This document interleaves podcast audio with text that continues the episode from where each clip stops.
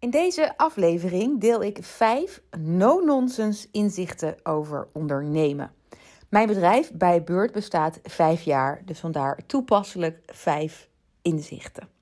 Ik ben vijf jaar geleden vanuit huis begonnen met ondernemen. Ik was toen al een tijdje chronisch ziek. Ik ben met een webshop gestart. Die ging door Instagram onwijs goed lopen. En ik ben toen cursussen gaan geven over Instagram.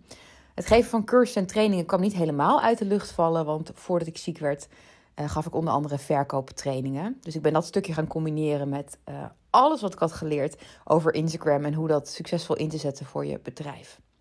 Nou, mijn gezondheid de afgelopen jaren is helaas niet vooruit gegaan. Sterker nog, uh, die is zeker de laatste tijd wel een stukje verslechterd. En ik ben zo blij te kunnen zeggen dat mijn bedrijf dat trekt. En dat ik het ook mentaal trek om toch een bedrijf te runnen terwijl ik fysiek zo ziek ben.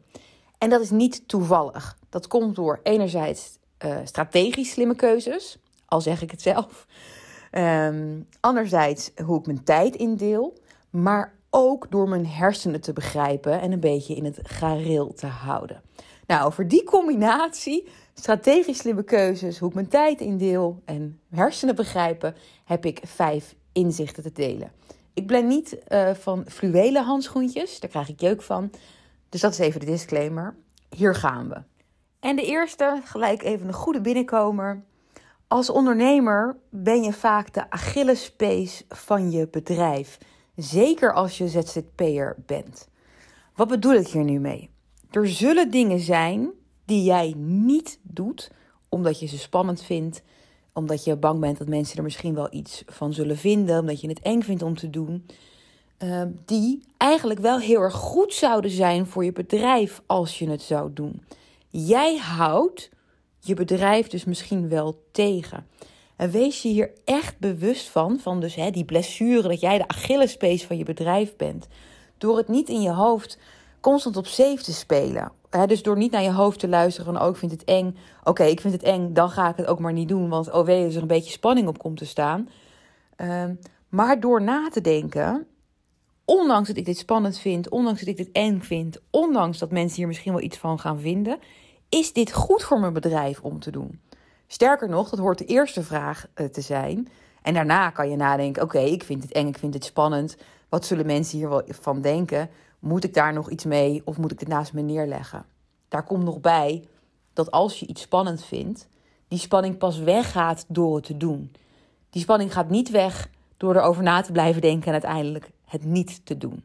Ik zeg het allemaal vrij directief, maar het komt echt voort uit dat ik zeker eerste paar jaar van het ondernemen soms echt dingen uit de weg ben gegaan. Bepaalde marketingactiviteiten, omdat ik het eng en spannend vond. Terwijl het voor mijn bedrijf hartstikke goed is geweest. En ik het nu ik het ben gaan doen ook helemaal niet meer eng of spannend vind.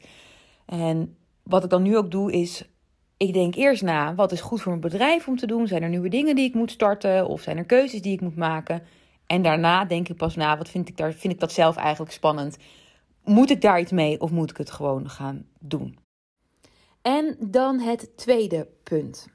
Vraag je bij dingen binnen je bedrijf waar jij veel tijd in stopt.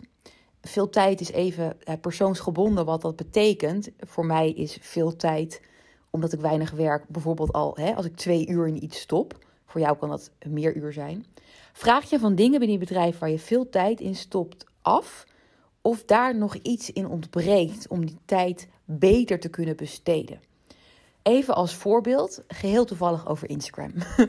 ik hoor veel ondernemers die zeggen dat ze drie uur per dag in Instagram stoppen en dat ze er heel weinig uithalen. Maar ze blijven die drie uur erin stoppen en ze zeggen: Ik heb geen tijd voor een cursus. Terwijl, als ze kennis zouden opdoen over Instagram en echt leren aan welke knoppen je wel niet moet draaien, letterlijk en figuurlijk, die drie uur veel beter besteed zou worden. Sterker nog, die drie uur per dag zou dan, hè, met alle kennis die je dan hebt, misschien wel naar één uur per dag kunnen gaan. Uh, maar ook als je bijvoorbeeld uh, op weekbasis heel veel tijd aan vormgeving besteedt, terwijl dat niet per se jouw expertise is, ontbreekt daar nog iets in om die tijd beter te kunnen besteden? Moet je daar iets mee? Moet je daar kennis over opdoen? Of moet je hulp inschakelen? Wat ik zelf heb gemerkt, zeker in het begin, toen ik nog team alles zelf doen was, dat ik uh, met zoveel dingen bezig was. En ook omdat het misschien niet mijn expertise was en er nog kennis van mij ontbrak, er onnodig veel uur in ging zitten. Dat het bijna een soort van status quo werd, waarin ik het ontbreken van mijn eigen succes in stand hield. Omdat er zo onnodig veel uren in zo onnodig veel dingen ging zitten. Terwijl je natuurlijk veel beter kan gaan richten op waar de kassa van aanslaat. Um, maar goed, dat gaat nog een stapje verder. Maar vraag je dus in eerste instantie af: oké, en welke taken stop ik nu veel tijd? Wat veel tijd dan ook voor jou betekent.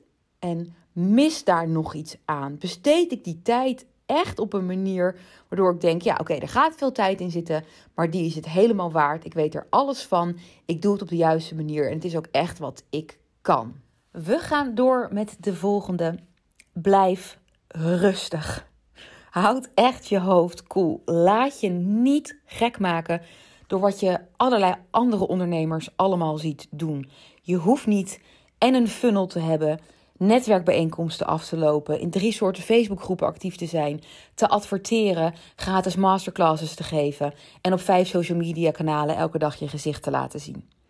Het kan allemaal zeker, maar doe het niet omdat je denkt dat het moet. Doe het omdat het jouw bedrijf echt verder gaat helpen. En niet omdat het ervoor zorgt dat de onrust in je hoofd stopt.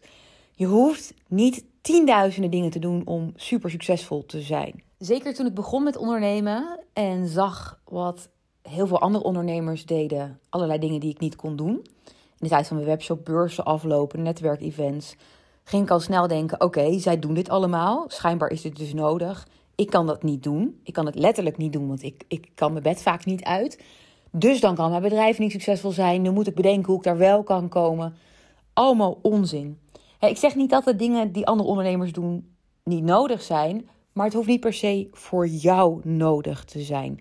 Want wat voor de een werkt, werkt voor jou misschien helemaal niet. En ik ben ook echt van mening dat je maar beter een aantal dingen heel erg goed kan gaan doen.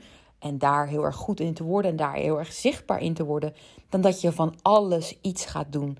Hè, om maar te zorgen dat die onrust in je hoofd stopt. Die je krijgt door wat je van alle, alle andere online ondernemers te zien krijgt. En dan het vierde punt. Ik begin hem nu heel vrolijk, maar het gaat over frustratie. Je hoeft niet gelijk te handelen als je frustratie voelt. Frustratie is niet per se een signaal waar je iets mee moet. Jij zult vast wel eens, en ik in ieder geval wel, een frustratie hebben gevoeld over ondernemen of over mijn onderneming. En dat zullen we vast ook nog wel heel vaak voelen. Eh, ik heb eh, sterker nog echt wel eens dagen ertussen zitten dat ik denk: waarom heb ik bedacht dat ondernemen een goed idee is terwijl ik zo ziek ben? En in het begin, vijf jaar geleden, als ik dat dacht, dacht ik: ja, ik denk dit niet zomaar. Moet ik hier nou iets mee? Terwijl ondertussen heb ik al lang de afspraak met mezelf dat ik op dat soort dagen geen strategische beslissingen mag maken. Dus het enige wat ik dan hoef te doen is, nou ja, die frustratie maar gewoon eventjes te laten. En een dag later is het ook gewoon weer weg. 95% van de tijd vind ik ondernemen helemaal geweldig. En die andere 5% neem ik gewoon niet al te serieus. Maar dat is het. Als wij iets negatiefs voelen, dan willen we daarvan af. En dan lijkt het heel makkelijk om dus hè, te denken... oké, ik moet misschien wel stoppen... of ik moet dingen veranderen om van die frustratie af te komen. Terwijl de veel rationelere optie is, is om het eerst even aan te kijken. Ik heb sociologie gestudeerd en een van mijn grootste inzichten. Ik heb niet ontzettend veel uh, onthouden uit die tijd, maar ik weet wel dat, dat het volgende en me echt zo bij is gebleven, is het begrip van de negativity bias. Die hebben we allemaal in ons zitten, eigenlijk in onze hersenen zitten. En die hebben we destijds heel lang geleden gekregen om te kunnen overleven. Die negativity bias komt erop neer dat we negatieve dingen zoals gevaar, maar ook kritiek, maar ook negatieve gevoelens, veel zwaarder en sterker en dieper registreren in onze hersenen, is gewoon wetenschappelijk bewezen dit, dan positieve dingen. Dus negatieve dingen komen veel meer binnen en die nemen we dus ook veel serieuzer. Um, dus het is echt wel iets om na te gaan op het moment dat je frustratie voelt, dat jouw hersenen gaan jou eigenlijk aangeven van, nou, dit is echt iets waar je iets mee moet. Terwijl de beste strategie is dus misschien wel om heel even af te wachten en te kijken of je hè, na 24 uur nog zo gefrustreerd bent, of je er echt iets mee uh, moet. Dus wees je bewust van die negativity bias. We zijn gewoon een beetje negatief ingesteld. Dat hè, dat is echt zo. Dus handel daar dan ook niet al te snel naar. En natuurlijk, ik zeg helemaal niet dat als je wekenlang gefrustreerd bent, dat je daar niks mee moet. Het is meer om aan te geven van, wees niet naïef. Er komt tegenslag en er komt frustratie in je onderneming. Zie dat niet per se als een signaal. Ga dat niet al te groot zien. En dan de laatste tip, het laatste inzicht. Zorg dat je dingen binnen je bedrijf op een manier doet die bij jou past, waardoor je ze A ook gaat doen en waardoor je ze B ook langdurig gaat doen. Bijvoorbeeld Instagram Stories. Als ik daarvan het idee zou hebben dat ik altijd hele serieuze stories zou moeten maken, wat niet bij mij past, dan was ik jaren geleden al gestopt met stories te maken. Ik ben stories gaan maken op een manier die ik leuk vind, die bij mij past. Daardoor ben ik het gaan doen en daardoor hou ik het ook vol al jarenlang. Bijkomstig voordeel, door echt jezelf te zijn en door het op een manier te doen die bij jou past, leren mensen jou ook kennen. Mensen kopen bij mensen. En natuurlijk, ik werk ook via mijn stories. Ik zet mijn stories ook strategisch in. Maar wel op een manier die echt bij mij past, zodat het ook gebeurt. En vergeet niet, ondernemen mag heel erg leuk zijn. Sterker nog, ik hoop dat het is waarom je bent gaan ondernemen. Uh, maar je moet het wel echt uh, blijvend leuk voor jezelf maken. Door echt na te gaan, oké, welke dingen binnen mijn bedrijf kan ik nog veel meer op mijn manier gaan doen, waardoor ik ze, gaan doen, waardoor ik ze ga doen en waardoor ik ze ook uh, langdurig ga doen. En dit sluit een beetje aan bij wat ik dus al eerder zei: van ga niet dingen doen omdat je het andere ondernemers ziet doen. Ga dingen doen omdat ze goed voor jou zijn. Maar als je het gaat doen, ga het dan ook op jouw manier doen. Want misschien heb jij wel alle tijd van de wereld om drie keer per week een nieuwsbrief te sturen. Maar doe je het vanuit een soort van ja, het moet. Maar ga er eens over nadenken. Hoe kan jij een nieuwsbrief gaan sturen die echt bij jou past? Misschien moet je er wel een leuke video in stoppen. Of ga je het echt, een heel suf voorbeeld, in, in, een, dicht, in een gedichtvorm doen? Dit waren mijn vijf verjaardagslessen, verjaardagsinzichten. Ik hoop dat je er iets aan hebt. Je weet me te vinden op Instagram, bijbird.nl, als je er iets over wilt laten weten. En wil je nou heel concreet leren hoe je met weinig tijd een succesvol bedrijf kan runnen? Misschien wel weinig tijd omdat je naast je bedrijf nog een andere baan hebt, of een druk gezinsleven hebt, of wilt ondernemen terwijl je een chronische ziekte hebt, of misschien wil je wel gewoon minder tijd in je bedrijf steken. Ik geef een college, een online college, genaamd Heb je even tijd? En in dat college, wat één uur duurt, leer ik je strategisch om te gaan met de tijd die je aan je bedrijf besteedt. Zonder in te leveren op de tijd die je aan Netflix besteedt, natuurlijk. Ik leer je hoe je je tijd zo gebruikt dat je er niet alleen meer van overhoudt, maar ook hoe je een beter en groter resultaat behaalt in minder tijd. Het college kan je shoppen op bijbeurt.nl. Hij heet dus Heb je even tijd. En ik zet hem ook even in de omschrijving van deze podcast, de directe link naar het college. Dus wellicht zie ik je daar of zie je mij dus daar. Het is een online college. Dankjewel voor het luisteren. Bye!